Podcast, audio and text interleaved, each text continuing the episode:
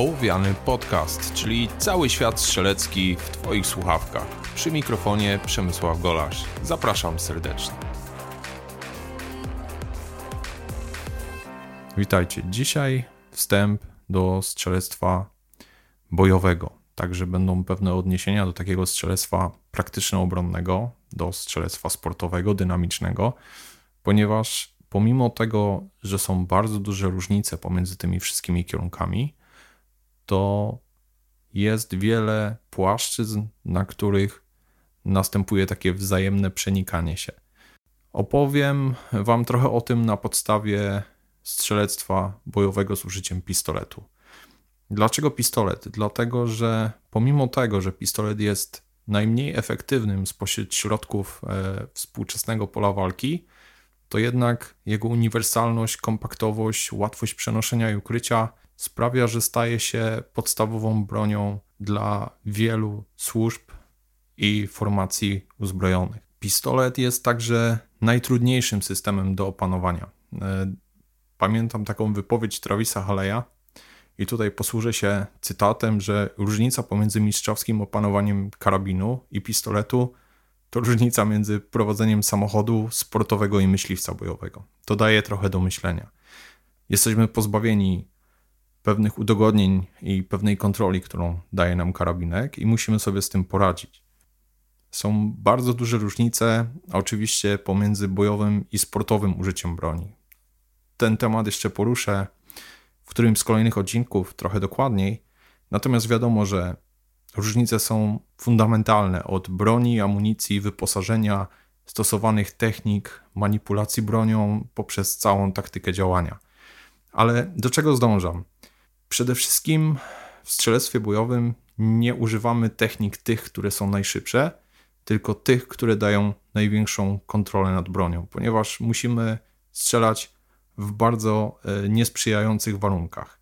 Poza tym nie mówimy tutaj o straconych punktach i chybieniach, bo jeżeli przestajemy o tym myśleć strzelnicowo, tylko zaczniemy myśleć realistycznie, to wszystko, co jest poza celem, to są kolejne niezamierzone cele, ponieważ każda w kula w coś trafia. Także generalnie musimy sobie zdać sprawę z tego, że odpowiadamy za każdy pocisk, który opuści lufę naszego pistoletu. Typowe szkolenie, takie wyszkolenie strzeleckie, bojowe, e, można opisać bardzo prosto na podstawie tak zwanej triady bojowej. Czyli mamy tą całą platformę strzelecką, tam gdzie są te wszystkie techniki e, strzeleckie, techniki manipulacji bronią, Potem mamy taktykę działania, o tym też troszkę będziemy mówić. I na koniec podwaliną tego wszystkiego jest psychologia walki, bo bez niej nie pójdziemy zupełnie do przodu. Możemy być najlepszymi rzemieślnikami, jeżeli chodzi o broń, ale jeżeli w tej kwestii psychologii walki coś nie zadziała, to ten cały wachlarz technik, który mamy w zanadrzu, w niczym nam nie pomoże. A w czym musi pomóc? Przede wszystkim precyzyjne, dynamiczne prowadzenie ognia wysoce stresujących warunkach, tak? Na odległościach głównie do 15 metrów, jeżeli chodzi o pistolet, ale w marginalnych warunkach oświetlenia. Często mamy obecność zagrożenia z wielu kierunków, z osobami postronnymi w bezpośredniej bliskości uzbrojonego celu. Do tego nosimy wyposażenie mocno ograniczające nasz ruch i percepcję. Często mamy do tego jakieś zamieszanie, hałas, dym, i pracujemy w przestrzeniach ograniczających manewr, zawierających przeszkody, wąskie wejścia, ograniczoną osłonę i skanalizowany ruch. I te wszystkie czynniki mogą wystąpić jednocześnie, więc możemy zdać sobie sprawę z tego, że naprawdę nie jest to prosta sprawa. Ale jaka z tego nauka?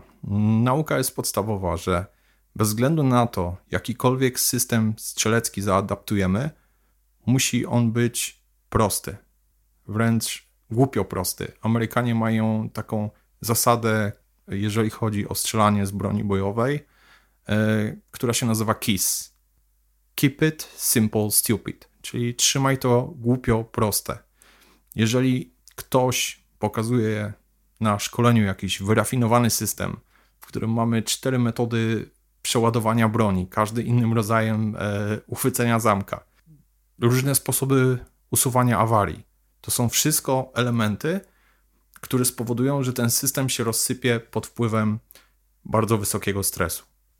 Ale dlaczego ten prosty system, dlaczego takie techniki nastawione na e, kontrolę nad bronią, proste ruchy, to wszystko łatwe do zapamiętania? Pomimo tego, że są znacznie bardziej wyrafinowane i szybsze techniki. Dlatego, że musimy wziąć pod uwagę to, co się dzieje z organizmem ludzkim podczas walki. Przede wszystkim dramatycznie wzrasta puls.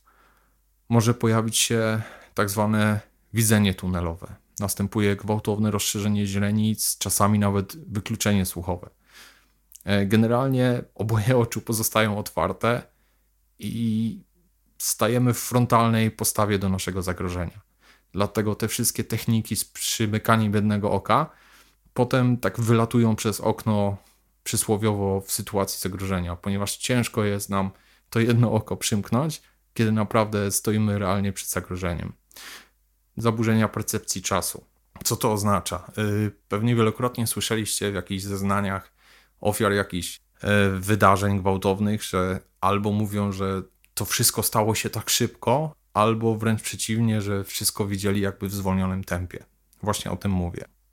I ostatnią rzeczą jest utrata zdolności manualnych dłoni i palców.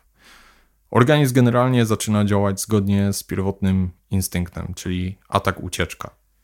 Jaka jest teraz e, różnica pomiędzy strzelectwem bojowym a praktycznym obronnym? Jeżeli mówimy o strzelstwie bojowym, to operator podejmuje inicjatywę i prowadzi ofensywną akcję względem zagrożenia. Czyli kontakt jest oczekiwany, operatorzy opierają swoją taktykę e, na użyciu broni i zdominowaniu agresją zagrożenia.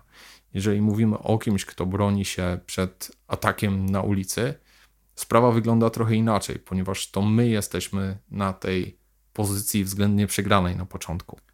W wypadku strzelectwa bojowego bardzo duży nacisk kładzie się na strzelanie jedną ręką, jeżeli chodzi o pistolet. Dlaczego to ma tak duże znaczenie?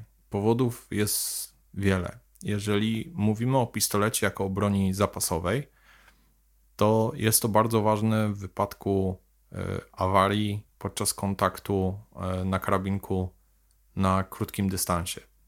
Wtedy często nie ma czasu, aby usunąć tej awarii i dobycie pistoletu i oddanie strzału jest znacznie szybsze. Może się okazać, że nie ma czasu wtedy na to, aby ten pistolet złapać oburącz. Inne przypadki, kiedy można podać konieczność e, użycia broni jedną ręką, jest na przykład multizadaniowość, czyli otwieranie drzwi, przesuwanie obiektów, trzymanie osób, rzeczy w drugiej ręce. Oczywiście mamy także wypadki e, zranienia lub kontuzji strzelca i to właśnie ten przypadek jest podawany jako taki kluczowy, a wcale nim nie jest. E, jest to przede wszystkim krytyczna umiejętność podczas wykonywania zadań z wykorzystaniem tarczy balistycznej. Generalnie ten członek zespołu, który e, odpowiada za tarczę balistyczną, pracuje z tarczą balistyczną, powinien być mistrzem świata, jeżeli chodzi o obsługę broni jedną ręką i umiejętność prowadzenia ognia jedną ręką. Pomimo tego, że współczesne tarcze balistyczne e, umożliwiają e, wykorzystanie także broni długiej, niektóre konstrukcyjnie, to mimo wszystko pistolet pozostaje dalej tutaj tą podstawą. Poza tym mamy jeszcze nieograniczoną przestrzeń manewru broni. Nie mamy oparcia kolby, nie mamy tego, co nas ogranicza. Możemy działać w bardzo e, ciasnych pomieszczeniach, w pojazdach itd. Tak Wszystkie techniki obsługi broni, usuwania awarii, prowadzenia mm, dynamicznego, precyzyjnego ognia każdą z rąk wymagają poświęcenia wielu godzin treningu bezstrzałowego i ćwiczeń ogniowych na strzelnicy. I najgorsze w tym wszystkim jest to, że nabyte umiejętności nie wpływają na poprawę umiejętności strzelania i obsługi broni oburącz. Jedyne, czego się tak naprawdę uczymy, to lepszej izolacji pracy na języku spustowym, ponieważ strzelając jedną ręką, E, pistolet znacznie mniej nam wybacza. To znaczy, każdy błąd wprowadzony przez strzelca jest widoczny od razu w postaci zwiększonego rozrzutu od strony broni. W licznych publikacjach, artykułach ludzie odnoszą się do statystyk FBI e, dotyczących zdarzeń z użyciem broni palnej z udziałem funkcjonariuszy służb mundurowych.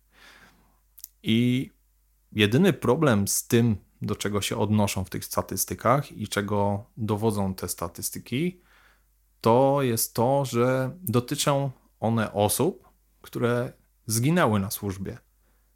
I na tej podstawie na przykład bierzemy pod uwagę, że walka jest najczęściej prowadzona na ultra krótkim dystansie. Niestety na odległości 3 metrów na przykład szanse e, szympansa z bronią i dobrze wyszkolonego e, funkcjonariusza są praktycznie sobie równe. I z tego musimy sobie zdać sprawę, że to tak naprawdę dystans e, różnicuje to, szczególnie w wypadku pistoletu, jakie mamy szanse na wyjście cało ze zbrojnej konfrontacji. Ok, tym się nie udało, ale jak wygląda sprawa w wypadku tych, którzy wyszli e, zwycięsko z konfrontacji zbrojnej? Jest takie bardzo fajne zestawienie pewnego człowieka, który zebrał to pod nazwą Projekt Gunfighter. Przez 20 lat zbierał dane na temat osób, którym się udało, czyli wrócili do domu, wyszli zwycięsko ze zbrojnej konfrontacji. I co się okazało? Okazało się coś zupełnie zaskakującego, a mianowicie, że dwa krytyczne elementy, na które tutaj się powołam, to była odległość, na której była prowadzona walka i trafienie przeciwnika pierwszym strzałem lub też brak takiego trafienia. Zgodnie e, z tymi statystykami 95% funkcjonariuszy, którzy trafili przeciwnika pierwszym pociskiem, wygrało konfrontację i wróciło do domu. Jeżeli pierwszy strzał był strzałem chybionym, e, liczba ta drastycznie malała, wynosząc zaledwie 48%. E, większość funkcjonariuszy chybia 70 do 80% strzałów oddanych podczas zbrojnych konfrontacji. To może dać Wam do myślenia, jak sprawa wygląda. To tyle takim słowem wstępu. Dajcie znać, czy taki temat Wam się podoba. Jeżeli tak, to zrobimy taką krótką serię, e, poruszając kilka zagadnień e, ze strzelectwa bojowego. Ze swojej strony dziękuję Wam bardzo za uwagę i do zobaczenia w kolejnym odcinku Łowianego Podcastu.